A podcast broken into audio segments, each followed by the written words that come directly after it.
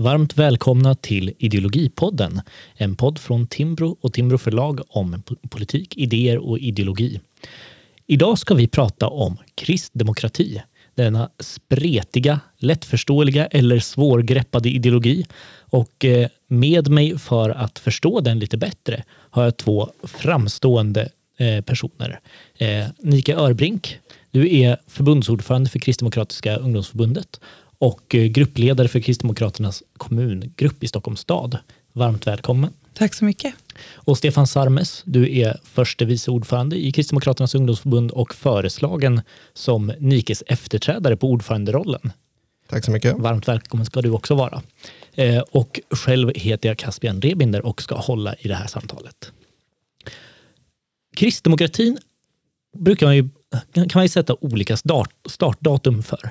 Eh, det blev ju lite uppståndelse för något år sedan eller två när Ebba Busch eh, uttryckte, beskrev kristdemokratin som att den föddes ur ett motstånd mot eh, nazismen. Gjorde den det? Gjorde den inte det? De som gick tillbaka till de svenska kristdemokraternas historia påpekade ju ganska riktigt att den inte gjorde det. Men medan däremot den europeiska kristdemokratin föddes efter andra världskriget ur någon form av vilja att skapa en europeisk, social, konservativ, icke-nazistisk eh, höger. Eh, Stefan, hur, hur, hänger det här ihop? Hur hänger den svenska kristdemokratin ihop med den internationella, den europeiska? Ja, nej men det, har ju, det stämmer ju absolut i den delen att eh, den europeiska kristdemokratin Eh, föddes i ett motstånd mot nazismen och eh, att den svenska kristdemokratin kom senare motsäger inte det på något sätt, utan eh, den svenska kristdemokratin fick väl sin kick eh, i, i motståndet mot en, en, en politisk reform eh, om utbildningspolitik. Men människorna i rörelsen och framförallt eh, de åren som följde eh, skapade starka band med europeiska kristdemokrater och utvecklade hela politiken. Eh, blev ett bredare parti med hjälp av europeiska kristdemokrater. Eh, så att banden är absolut där. Precis, men de har kanske vuxit fram lite senare egentligen. Som, som du konstaterar så när Kristdemokraterna i Sverige föds så är det ju ett motstånd mot sekulariseringen och avkristnandet av nationen kan man säga. En, eh, den här allmänna moderniteten, eh, socialliberalismen, radikalismen, eh, för, förstadierna till progg-eran, eh, avskaffande av kristendomsundervisning. Det känns ju väldigt av, avlägset som politiska konflikter idag, men det var ur, ur det motståndet som, som Kristdemokraterna växte fram. Ja, å andra sidan kan man ju, alltså det finns väl något, något eh, ansvar i att alltid kunna kritisera samtiden och, och samtidigt eh, motsätta sig radikalism. Eh, och det tycker jag ändå finns eh, idag lika mycket som det fanns då. Vi kommer till, nog tillbaka till de här kopplingarna mellan det gamla och det nya. Eh, jag hoppar till dig Nike, för kristdemokratin är ju aktuell just nu. Eh, alldeles strax, jag tror när, när det här eh, avsnittet sänds så har Eh, era KD-dagar, kommun och landstingsdagar inletts. Eh, vad kommer hända där? Eh, är det ett, kan man se det här som ett steg i Kristdemokraternas ideologiska resa? Ja, men förhoppningsvis. Vi är ju ett um, nygammalt läge. Vi har än en gång hamnat i regeringsställning, men på ett annat sätt. Det är andra partier i eller ja, delvis samma, men utan Centerpartiet den här gången, med ett annat parti som stödjer eh, den regeringen vi sitter i den här gången. Och framförallt är den stora skillnaden den här gången att vi har alltså, historiskt många kristdemokratiska statsråd. Eh, historiskt mycket potential att eh, förändra svensk politik i en kristdemokratisk riktning på historiskt många olika områden. Det är ett bredare kristdemokratiskt grepp eh, om regeringspolitiken den här gången än vad det var senast vi satt i regering. Och det kommer med många möjligheter men också många utmaningar. Och jag tror att ett fokus för vår rörelse, vi är en folkrörelseparti, vi mår bra av att ses på det här sättet. Och jag tror att eh, det viktiga den här helgen det kommer bli att eh, hitta, den här, hitta den här nya rollen av att vara regeringsparti men samtidigt utveckla eh, vår politik och fortsätta utveckla vårt parti. Att inte bara bli ett regeringsparti utan fortsätta vara kristdemokrater och se att de två sakerna går hand i hand men också, eh, men också att vi behöver utveckla, utvecklas själva och inte bara i regering på det sättet. Och Vad betyder det att vara kristdemokrat idag?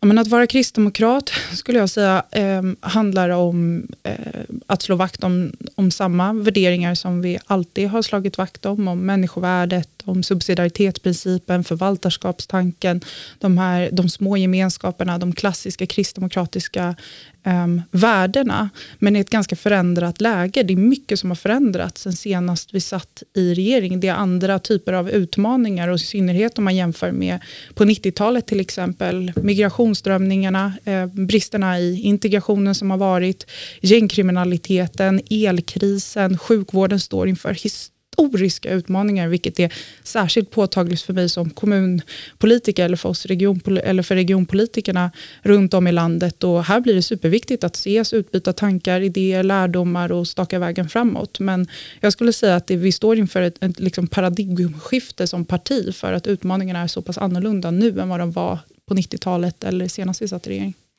ganska många skulle nog säga att det här paradigmskiftet har ägt rum, eller att Kristdemokraterna även ideologiskt är ett ganska annorlunda parti nu än för 10 eller än mer 20 år sedan? Ja, men jag del, ideologiskt eh, del, skulle jag inte påstå att vi är det, utan de värderingarna är ju de samma, men verkligheten som sagt har förändrats väldigt mycket och vår uppgift är ju att se att när verkligheten förändras, hur behöver politiken och systemen förändras för att stå upp för samma värderingar. Um, och då handlar det dels om den politiken man har, men ibland också att utveckla politiken på områden som kanske inte har känts lika traditionellt kristdemokratiska. Man kanske på 90-talet inte hörde kristdemokrater prata jättemycket om eh, elfrågan eller om, kärn, eller om eh, gängkriminaliteten, men de var inte heller lika stora utmaningar då som de är idag. Och ska man vara relevant som parti måste man ha sina ideologiska lösningar på dagens problem. Men, men jag skulle vilja trycka lite hårdare. För om Kristdemokraterna är samma parti ideologiskt idag, då har KDU inte förändrat Kristdemokraternas ideologi de senaste 10-15 åren.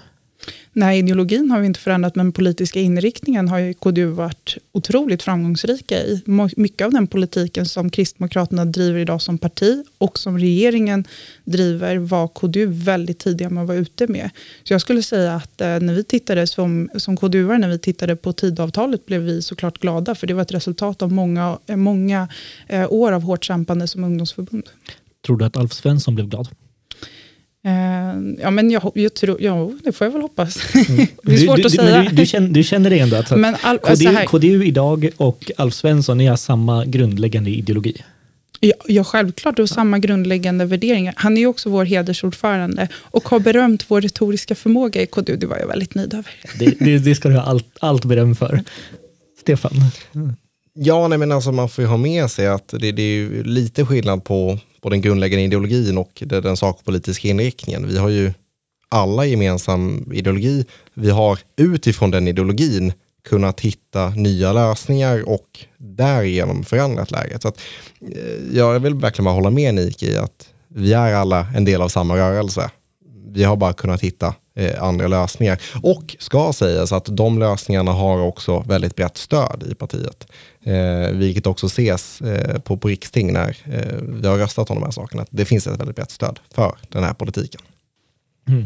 Ganska många partier förändrar ju ändå sin ideologi lite grann gradvis över tid. Tittar man på Eh, Socialdemokraternas politik idag jämfört med tidigt 80-tal eller ännu mer 60-talet så är det ju ganska olika, eh, olika hållningar. Vänsterpartiet har varit kommunister, är det inte längre i praktiken. Centerpartiet har varit väldigt mycket mer av ett eh, landsbygdsintresseparti har glidit till att bli ett renodlat marknadsliberalt parti. Nu är de kanske på väg ett socialliberalt håll igen. Det här är ju mer än bara strategiska, taktiska eller policyförändringar.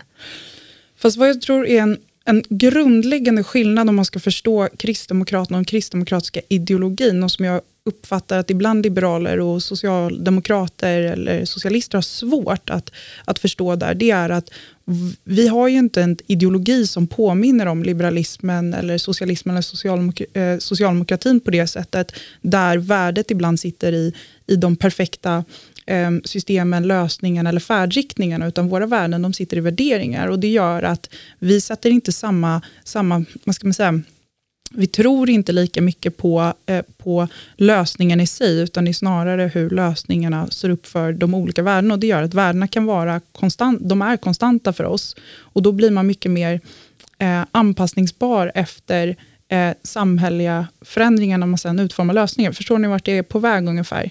Om man tänker sig att en liberal hade tyckt att en privatisering, det är alltid en generellt bra idé. Och jag, kan ju, jag har ett hjärta som, som bultar för det också såklart, men en, en kristdemokrat hade snarare sett hur funkar den här privatiseringen i det här läget, i det här sammanhanget, i det här landet kanske, att det kan skilja sig utifrån för att sen uppnå det särskilda värdet. Och det gör att man, det skiljer sig lite i jämföringarna med Så, så den, den, den, pragmatiska, lätt konservativa men egentligen ganska ideologilösa hållningen men vår ideologi ligger i värderingarna, inte i systemen. Men, men värderingarna som kan ta sig uttryck på inte vilket sätt som helst, men ganska mycket. Ja, men för ett typexempel, jag är super för monarkin i Sverige, för det ligger i, vår, det ligger i, vårt, i, vår, liksom, i vårt kulturarv, i vår identitet som nation, men jag är inte för det i, i USA, för det, där gör det inte mm. det. Mm. Nej, men det, det, är ett bra ett illustrativt exempel av hur lösningarna inte måste vara det viktigaste i, i ideologin heller. En konservativ i USA vill ju inte införa kunga eh, vill inte införa en kung eller monarki. Eh, medan en konservativ eller kristdemokrat i, i Sverige förmodligen vill behålla eh, den, den monarki som finns. Nu, nu är inte de, de här KD-dagarna, det är inte ett beslutande församling, det kommer inte vara stridsfrågor utan det är väl mer eh, det är samtal om läget nu Eh, så jag väntar mig väl inga stora konflikter under, under helgen, utan snarare tvärtom. Men var, var befinner sig partiet? Är läget harmon, harmoniskt eh, internt i riktning, i åsikter? Opinionsmässigt så går det inte toppen just nu. Det är ju kanske inte jättekonstigt. Små partier drabbas ofta i mellanvalsperioder. Nytillträdd regering som har fått ta lite smällar för vissa sakfrågor. Och ja, allt sånt kan ju hända, men eh, känns det som att partiet stabilt sluter upp bakom den eh, position man har intagit i svensk politik? Ja, men den position man har intagit i svensk politik eh, upplever jag i alla fall att man, att man sluter upp bakom. Men sen, ja, jag kan säga som det är. Det, det var, vi var inte jättenöjda från KDUs sida var vi inte jättenöjda med valresultatet. Vi var väldigt nöjda över skolvalet för där fick vi 9,3. Eh, vi var malliga under den hösten och är fortfarande kanske. Eh, och, eh, och opinionssiffrorna därefter, det är väl bara att erkänna att det har varit eh, en del eh, eh, konflikter Eh, den senaste tiden också. Men jag upplever att, som jag sa tidigare, vi är ett folkrörelseparti, vi mår bra av att ses och jag tror att det är ganska stor samsyn i partiet nu om att nu vänder vi blad och så går vi vidare, vi lägger i växeln. Vi är liksom inte valda, det var inte det mandatet vi fick från väljarna att kivas internt, utan det var att lösa problem. Och eh, jag tror att, det, att fokusera på det är nog det bästa sättet att ta sig framåt också. Och det tror jag att det finns en ganska, ganska stor samsyn eh, inom partiet kring. Vissa frågor finns det mindre samsyn om. En som har diskuterats mycket de närmaste dagarna nu har varit eh, eh, Systembolaget och framförallt gårdsförsäljning. Eh, är det en ideologisk fråga överhuvudtaget? Nej, det är väl inte en ideologisk fråga. Jag upplever ändå att det finns ett ganska stort stöd för gårdsförsäljningen i sig. Eh, precis som det finns ett stort stöd för Systembolagets bevarande i partiet. Eh, och det tror jag inte kommer förändras dramatiskt över tid. Och det står också i tidavtalet att gårdsförsäljning ska genomföras och eh, Ebba Busch har ju varit ute och varit tydlig med att det ska införas. Så jag, jag, tror att det mer handlar om en tidsfråga innan det görs snarare än att det är någon ideologisk konflikt i det. Men jag, jag fastnar lite vid det här att det inte skulle finnas ideologiska konflikter, för några drar ju på åt ena hållet att det här ska införas snabbare och att eh, säg, privatiseringar eller avregleringar eller steg i, för den är straffskärpande riktning eller mer eh, kärnkraft eller mindre kärnkraft ska dras snabbare eller långsammare. Folk drar på mer eller håller emot mer. Eh, är det inte i de skillnaderna som ideologi oftast tar sig uttryck i verkligheten? Att vissa vill gå lite snabbare i en riktning och hålla emot lite åt andra hållet. Andra vill gå lite snabbare åt andra hållet men hålla emot i första riktningen. Sen kanske man kompromissar i sakfrågorna men drar åt lite olika håll. Jag förstår inte riktigt hur du menar. Nej, jag, det, vi kanske pratar förbi varandra eller över varandra eller så.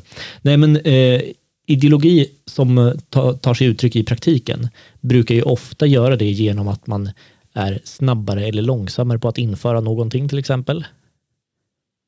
Tänker när, när de stora välfärdsstaterna växer fram i, i Europa under 1900-talet så är det ju sällan liberaler och konservativa som är emot. De vill bara gå lite långsammare än socialdemokrater eller socialliberaler som kanske trycker på för lite snabbare införande. Där finns det en ideologisk skillnad i bara i synen på hastighet till exempel? Ja, men eh, för att ta ett, eh, det finns ett kommunpolitiskt exempel, men eh, som är ganska praktiskt.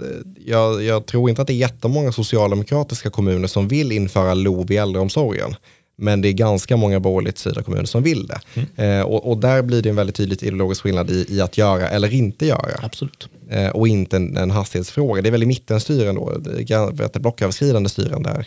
Det kan bli lite en hastighetsfråga, men det är ju en uppenbar kompromiss, kompromiss eh, mellan helt olika viljor. Ja, kanske inga ideologiska konflikter där heller.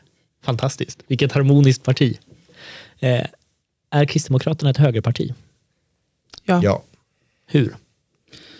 För att vi, eh, mm, dels eh, av den, den grundläggande och värnandet om, om frihet, om den enskildes ehm, och gemenskapernas rätt att bestämma själva, ehm, att bli respekterade för de valen de gör.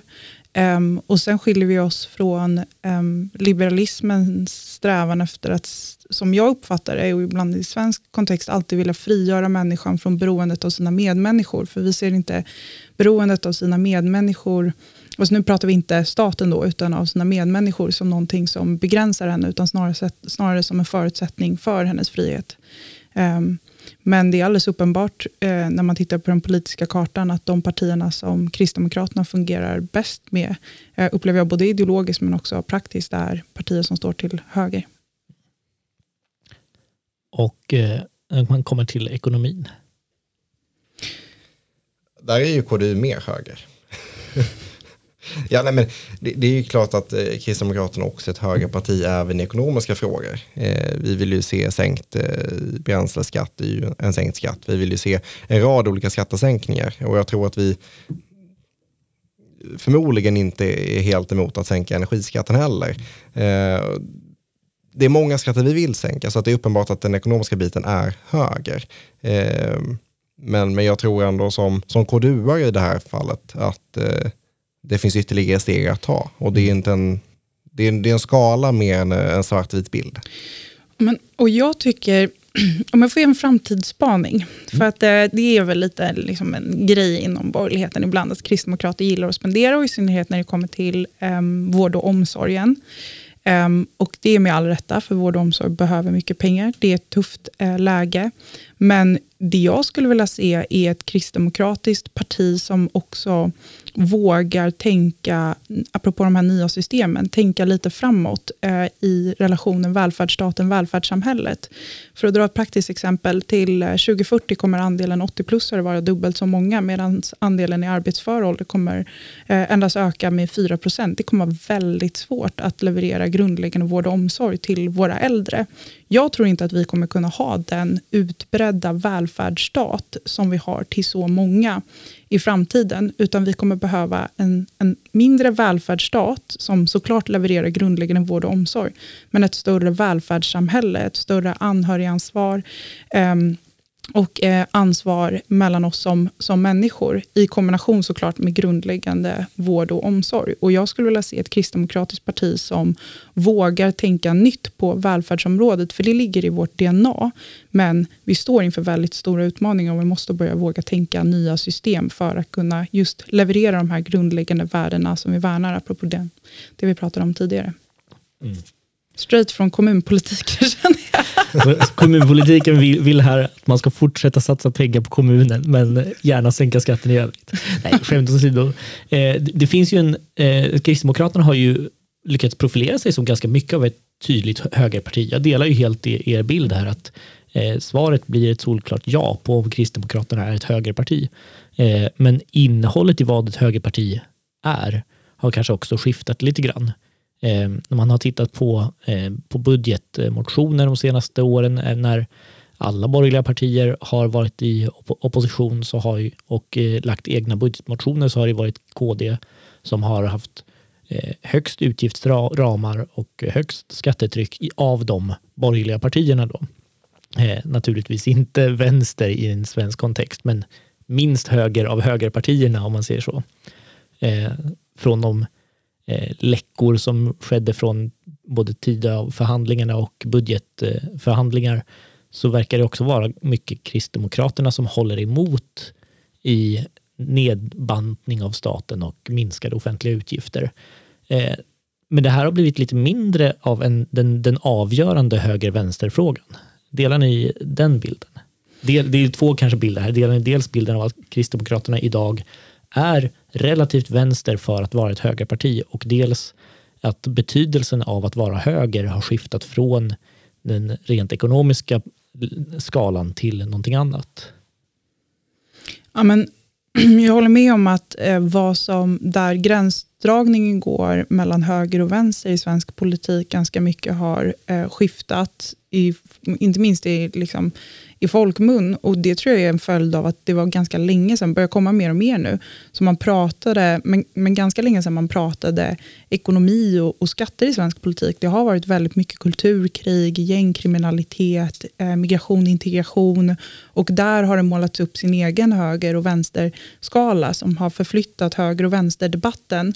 Eh, men det kanske är så nu när, när eh, sett till den ekonomiska utvecklingen, till inflationen, att de här frågorna kommer upp igen om det övergripande. Vad ska statens ansvar vara? Vad ska våra skattepengar gå till? Eh, hur mycket kronor ska man ha kvar över i månaden som, eh, som medborgare?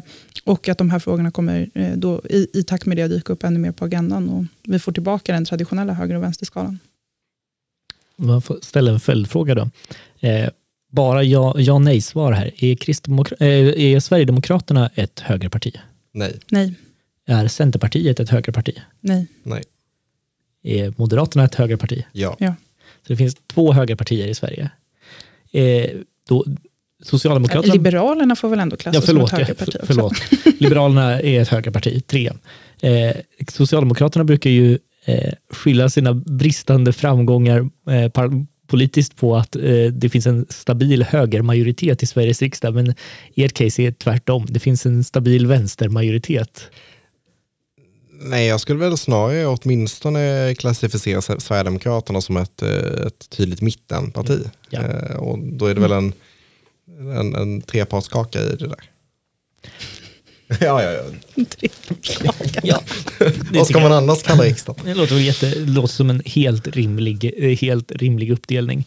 Eh, ni, ni har pratat en del om att Kristdemokraterna, eller kristdemokratin som ideologi håller sig relativt stabil över tid. Eh, det kanske inte är lika mycket motstånd mot sekulariseringen eller lika mycket motstånd mot eh, eh det, liksom, avskaffandet av kristendomsundervisning i skolan som är avgörande nu. Eh, men framtidsfrågor. Hur, utan kristdemokratins inriktning har kanske följt samhällets utmaningar. I viss mån i alla fall. Vad ser ni för viktiga framtidsfrågor? Vad tycker Kristdemokraterna inte idag som man kanske borde ta hand om och eh, börja eh, greppa lite mer kring i framtiden? Nej, men jag jackar i där jag var. Och det är faktiskt inte bara för att jag eh, pysslar väldigt mycket med äldrefrågor till, till vardags nu och det är en, en hjärtefråga för partiet, utan för att jag genuint är eh, orolig. SKR konstaterade nyligen att 400 000 måste anställas inom vård och omsorgsyrket. Det är väldigt lite som pekar på att det kommer bli så. Det kommer väldigt svårt. Den här, liksom, den här grundläggande vård och omsorgen eh, som väldigt många människor, för, okej, nu ska jag inte sväva iväg för mycket, men jag tror också att det är en samhällskontraktsfråga. Alltså vi har en generation som gjorde allting rätt, som klev upp på morgonen, gick till jobbet, eh, arbetade hårt, eh, betalade sin skatt eh, med tron och hoppet på att de kommer få vården och omsorg den dag de behöver det. Och väldigt lite nu pekar på att eh, de kommer få det de blev av många politiker under en lång tid lovade. Och det är jag orolig för. Ehm, men det gäller även vården i, i stort. Vi har en ganska ineffektiv vård. Och jag ser inte, och svenskt vårdsystem saknar incitament att leverera vård i tid. Och vi i KDU är ju för ett, eh, en försäkringsfinansierad vård som man har i Nederländerna till exempel. Och det tycker jag är ett exempel på där, man börjar, där vi borde börja pröva tanken om nya system eh, som kanske går mer åt ett välfärdssamhälle än den traditionella svenska välfärdsstaten, utan att tappa medmänskligheten, värmen, omtanken, utan just för medmänskligheten, värmen och omtanken för patienten eller den äldre, måste vi börja eh, inse att vi måste ändra systemen för att kunna leverera den.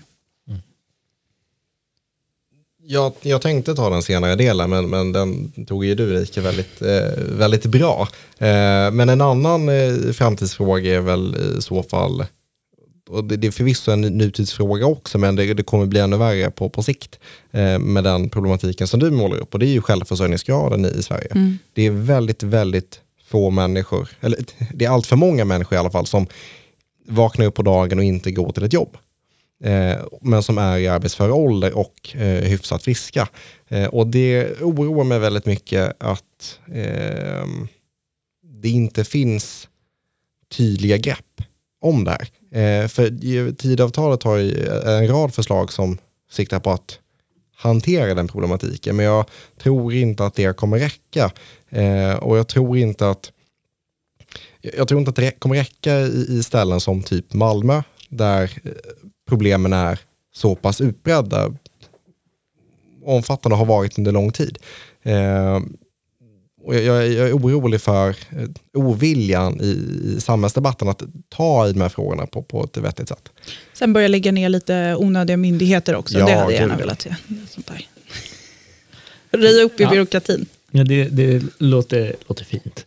Eh, det är kul att höra de här framtidsspaningarna, för det låter ju som arbetslinje, privatisering av välfärdstjänster och lägga ner myndigheter. Det är ju ganska klassiska moderata, som nästan muffiga hållningar om man vill, eh, om man vill vara elakare, ha lite glimten i ögat i alla fall. Eh, traditionellt så är det här inte vad man hade förväntat sig från kristdemokrater. Eh, kristdemokrater kanske mer profilerat sig i ja, vissa mm, mjukare frågor om man vill använda det, det begreppet. Det har handlat en hel del om flyktingmottagande på 90-talet, tidigt 00-tal. Det har handlat en hel del om eh, känsliga här, abortfrågor, samkönade äktenskap, religionsundervisning, eh, frågor som kanske är mer bred, brett moraliska eller åtminstone lite, ja men man kan säga mjukare, snarare än jobb och jobb och privatiseringar och, eh, eh och eh, lägga ner myndigheter. Eh, någon form, här är här, någon, någon, form av skifte skulle jag, skulle jag säga att det här, det kanske inte är ett ideologiskt skifte, men ett fokusskifte i alla fall. Fast sjukvårdsfrågan och äldrefrågan har ju ändå varit eh, hjärtefrågor för partiet länge. Patienten eh, och den äldre är ju ändå... Jag upplever att de har inte varit Moderaterna som man tänker på i första hand då, utan det har ändå varit kristdemokrater. Och eh, för mig är alltså privatisering klassas eh, liksom, låter hårt, men för mig är det varmt där det behövs. En försäkringsfinansierad vård är också en jämlikhetsfråga. Alltså Nederländerna, jag upplever inte att det är jämlikt, det systemet vi har idag, där 600 000 svenskar har en privat sjukvårdsförsäkring och man vet att det i praktiken innebär att man kan få vård snabbare än någon som inte har det, jämfört med Nederländerna där alla har det. Vi håller på att få ett A och ett B-lag i tillgängligheten till vård. Hur är det att stå upp för människovärdet? Hur är det att stå upp för patienten? Så att för mig är att tänka nytt, att tänka på ett välfärdssamhälle. Det är samma typ av varma kristdemokrati, men i ett annat läge. Um, så. Och jag menar, liksom, när det kommer till äldreomsorgen kan jag prata i timmar om, om digitaliseringen och hur det inte innebär ett kallare eh, bemötande mot den äldre, utan raka motsatsen. Ett, ett, ett sätt att få den äldre att kunna leva mer självständigt eh, länge och, och, eh, och, kunna leva ett värdigare liv länge. Men eh, jag upplever inte att digitaliseringsfrågan är det sexigaste att prata om. Men man kan säga att det kanske är Eh, som du var inne på tidigare, det är inte lösningarna i sig som är det avgörande, utan Nej, det de, grundläggande, leder till, de grundläggande precis. värderingarna som leder fram till. Och hur det är ett sätt det. att stå upp för värdena. Precis. Ja, likadant handlar det om, om eh, försörjningsfrågan, att människor arbetar. Det handlar om synen på, på sig själv, sina medmänniskor, mm. samhället i stort. Det är ju det är inte någon, ja, man kan skämta om att det låter lite muffigt, men vägen till de lösningarna ser annorlunda ut. Eh, och, och, och, bygger väldigt mycket på grundläggande människosyn. Och familjen. Och familjen, trygga familjer. Mm. Eh, att upprätthålla det värdet görs ju bäst genom att föräldrarna får arbeta. Det finns ju ett till frågekomplex som, man, ja, som är mer än en fråga som man får grotta lite grann i kring eh, samspelet religion-samhälle. Där som man kan säga att kristdemokratin i Sverige föddes väldigt mycket ur den. Att eh, eh samhället och särskilt, särskilt staten, men samhället som helhet avkristnades och av blev mindre religiöst. Eh, kan man säga. Framförallt mindre kristet. Och det här eh, ville man bromsa eller liksom ta, ta spjärn mot och säga att eh, ja, men kristendomsundervisningen till exempel eh, skulle, skulle behållas i den svenska skolan. Men man har också varit en stark förespråkare för den religiösa mångfalden, för frikyrkorna, för att eh, ha en bredare eh, toleransen kring, kring en mångfald av religionsutövande. Det här krockar ju lite grann med den mer samtida, eh, samtida linje där man ibland vill stänga muslimska friskolor. Det vill inte Kristdemokraterna så vitt jag vet. Eh, nu får rätta mig om jag har fel alltså, de här. Som inte sköter sig. Men... Ja, själv, självklart. Men, men, det finns ju... Det finns ju alltså, vi är inte emot konfessionella nej, friskolor. Många, många, partier i Sverige idag vill ju förbjuda konfessionella friskolor mm. rakt av eller åtminstone nystartade sådana.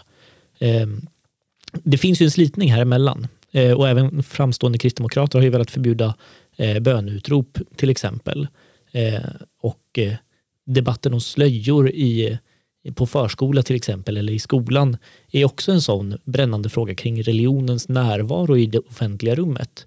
Eh, hur, hur, ser ni på den konflikten i bred bemärkelse? Det är en väldigt öppen fråga så ni får ta avstamp lite var ni, var ni känner.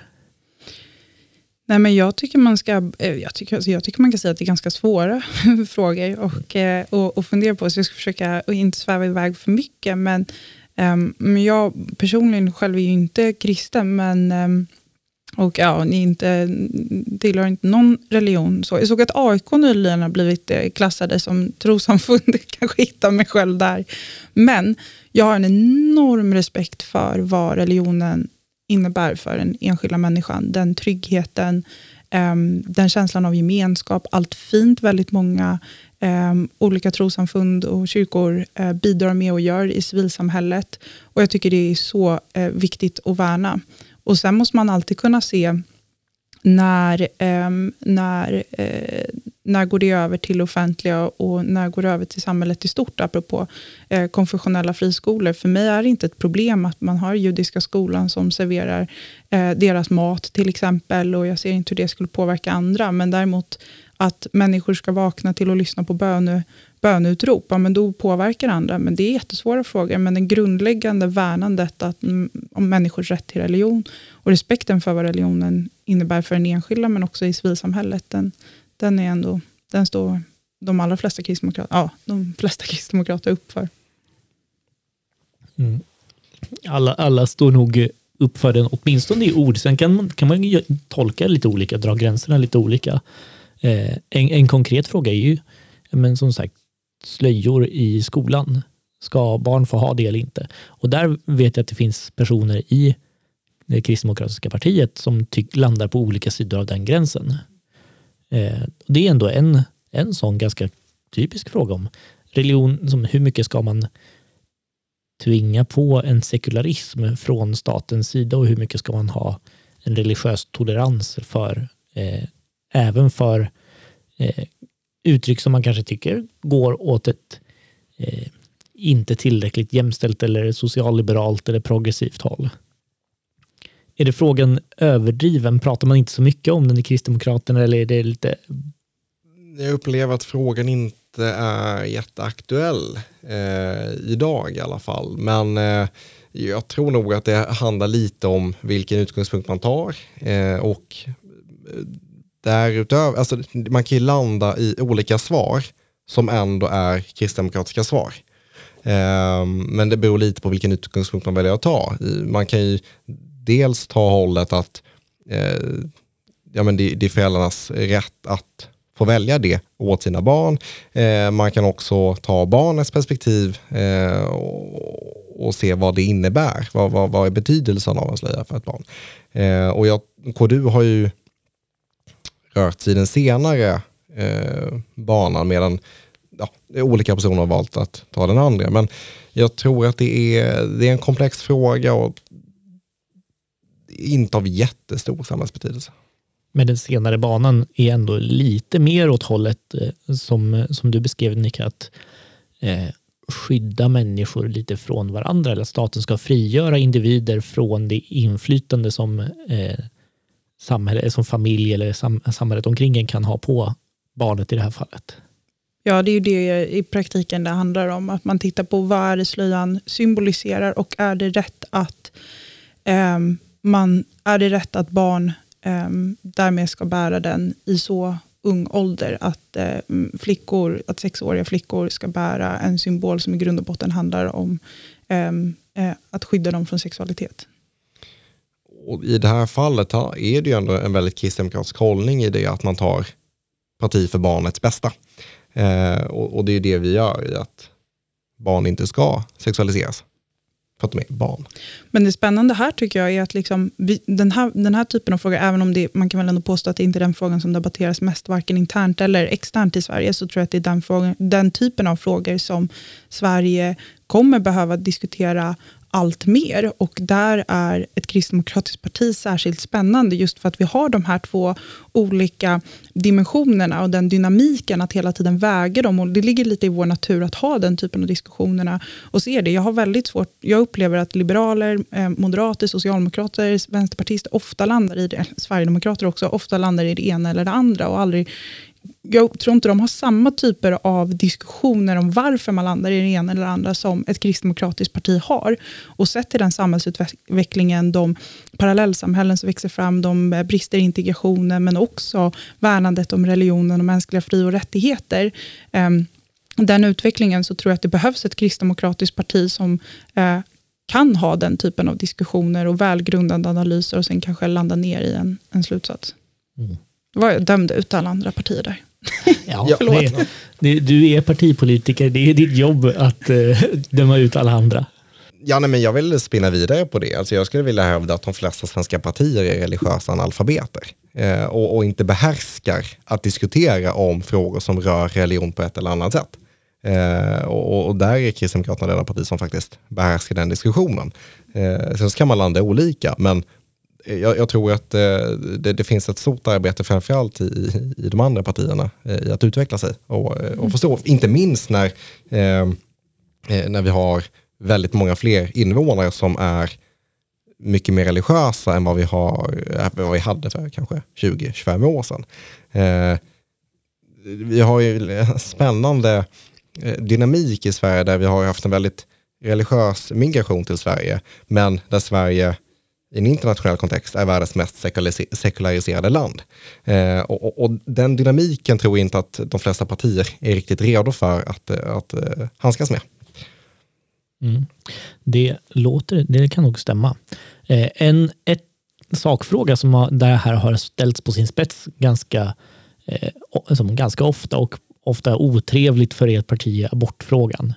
Eh, den ploppar ju upp då och då eh, och eh, ingen kristdemokrat jag känner blir glad när man för den på tal. Så, eh, men den har ju kommit tillbaka som ett, eh, reellt uttryck för någon form av religiösa värderingar i politiken där det är svåra, svåra avvägningar som faller ut i, på ett sätt som en stor del av befolkningen tyckt vara, varit obekvämt.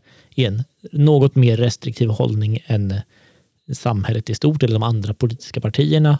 Eh, både ibland i sakpolitik, eh, var, blev ju en stor uppståndelse kring e, EP-valet för, för ett antal år sedan. Eh, när Lars Adaktusson, när hans eh, omröstningar had, granskades eh, i Europaparlamentet. Men även i fråga om uttalanden som målbilder för antal aborter eller att man ska sträva efter att det ska vara så få som möjligt. Att man ger uttryck för ett lite annat perspektiv på den frågan. Eh, och här finns det ju fler, flera inbakade frågor såklart. Eh, och eh, en av dem är ju relationen mellan liksom, religionen och samhället. En av dem är var eh, staten går in och pillar i individuella rättigheter. Eh, hur ställer ni er? Till, alltså, inte till abort, men till, till utvecklingen av eh, Kristdemokraterna egentligen, egentligen till den historia som partiet bär på. För så här, där, där Kristdemokraterna har eh, men, ganska effektivt, skulle jag mm. säga, backat från den positionen och är inte, eh, åtminstone driver inte någon form av abortskeptisk linje, eller vad man ska säga, idag. Men man har ju gjort det historiskt. Ja, ja, det har man gjort. Det är inte, det är inte eh, svårt att, att, att se det. Men, men, ehm, men så här, för mig är det väldigt tydligt när, de här, när den här frågan eh, dyker upp i svensk, i svensk media och debatt att Sverige är väldigt sams, sams, vi har väldigt stor samsyn i Sverige. Det finns inget parti som utmanar eh, rätten, min som, som kvinna, min rätt till trygg och, till trygga och säkra, säkra aborter, utan vi, vi alla tycker egentligen likadant. Eh, och sen därutöver kan jag ju som kvinna också känna, framförallt som ung tjej, fundera på så här, men jag hade önskat haft en större diskussion i Sverige istället i så fall om hur kan vi, hur kan vi göra så att färre tjejer eh, blir ofrivilligt gravida? Det är ganska tufft att gå igenom en abort och det är väl ingen som önskar att någon ska behöva göra det. Jag hade tyckt att titta på preventivmedel. Hur många tjejer är det inte som går på preventivmedel? Och hur jobbigt är det inte att gå på preventivmedel idag? Alla de biverkningar man kan få av eh, eh, av eh, liksom p-piller, av spiral. Men där hade jag önskat att ha haft diskussioner, för jag menar, det är väldigt uppenbart att i Sverige tycker vi väldigt lika och står upp, om, eh, står upp för rätten till trygga och säkra aborter. Eh, och ibland tycker jag då att man glömmer Eh, perspektivet eh, hur, hur tjejer ska i större utsträckning slippa bli ofrivilligt gravida. Vi ska strax börja avrunda, men jag vill kasta in, hinna kasta in en till het potatis i sakfrågeväg. Eh, kommer Kristdemokraterna eller KDU inom en överskådlig framtid vilja legalisera någon form av narkotika? KDU vill ju varken avkriminalisera eller legalisera. Jag har väldigt svårt att se det. Det har varit väldigt få personer från Kristdemokraterna som har eh, föreslagit någonting åt det hållet. Sara Skyttedal gjorde det för några månader sedan och det blev ganska stor uppståndelse. Eh, det är mm, er bild att det här kommer falla ganska platt. Eller snarare som eh, kanske en första, första trevande försök som inte riktigt leder någon vart. Men så här, man kan säga, både, som sagt, både KDU och KD är ju emot såväl en avkriminalisering som en legalisering. Nu utreds svensk narkotikapolitik. Eh, det, tycker jag är, det tycker jag är bra. Alltså vi har bland Europas högsta narkotikarelaterade dödlighet. Och det, det är en ren skandal. Och och jag tycker att det finns många bra exempel som Kristdemokrater har drivit runt om i landet på sprututbytesprogram, för man ser att det minskar, minskar dödligheten. Det innebär en etablerad kontakt mellan missbrukaren och vården, eller bostad först, där eh, missbrukare först får en bostad och sen förväntas bli narkotikafria, för man vet att det ökar sannolikheten att de sen blir narkotikafria. Ehm, eller för den delen har partiet stått bakom ehm, att extratet i cannabis ska läkemedelsprövas på samma villkor som andra växtbaserade läkemedel, om, när det kan visa sig då att det eh, kan ha hjälp mot olika typer av problem. Och så det är ungefär kristdemokratisk narkotikapolitik. Jag tycker att det är bra att man nu utreder politiken i sin, eh, i sin helhet från, från nationellt håll. Men vart KD och KDU står, det, är nog ganska, det har nog blivit ganska tydligt under de senaste månadernas debatt. Och ni ser inga förändringar på längre sikt heller? Hur, alltså i den... I den som framtidsspaning? Alltså jag, jag, jag, har, jag har svårt att se det mer. Jag menar, den, det, stödet för den svenska restriktiva narkotikapolitiken är väldigt, väldigt brett. Eh, det är i stort sett bara ett par ungdomsförbund som är för, men alla partier är mer eller mindre emot eh, någon förändring. Eh, jag, jag, tror snarare att krutet kommer att läggas mer på att öka skademinimerande åtgärder eh, snarare än att gå in på, på legaliseringar och avkriminaliseringar av, av substanser. Eh, vilket jag tycker är sunt. Strålande. Vi har fått djupdyka i kristdemokratin och Kristdemokraterna i Sverige, både i de historiska linjerna och i ett stort antal sakfrågor. Jag hoppas att, vi, att ni som har lyssnat får en bild av var kristdemokratin ligger i Sverige idag. Om inte får ni höra av er till någon av de inblandade eller någon annan och ställa följdfrågor. Stort tack för att ni har lyssnat. Fortsätt lyssna på Ideologipodden som publiceras varje fredag. Tack för mig.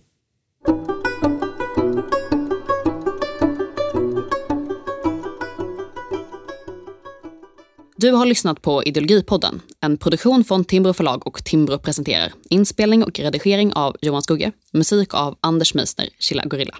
Du hittar den här och alla våra andra poddar på timbro.se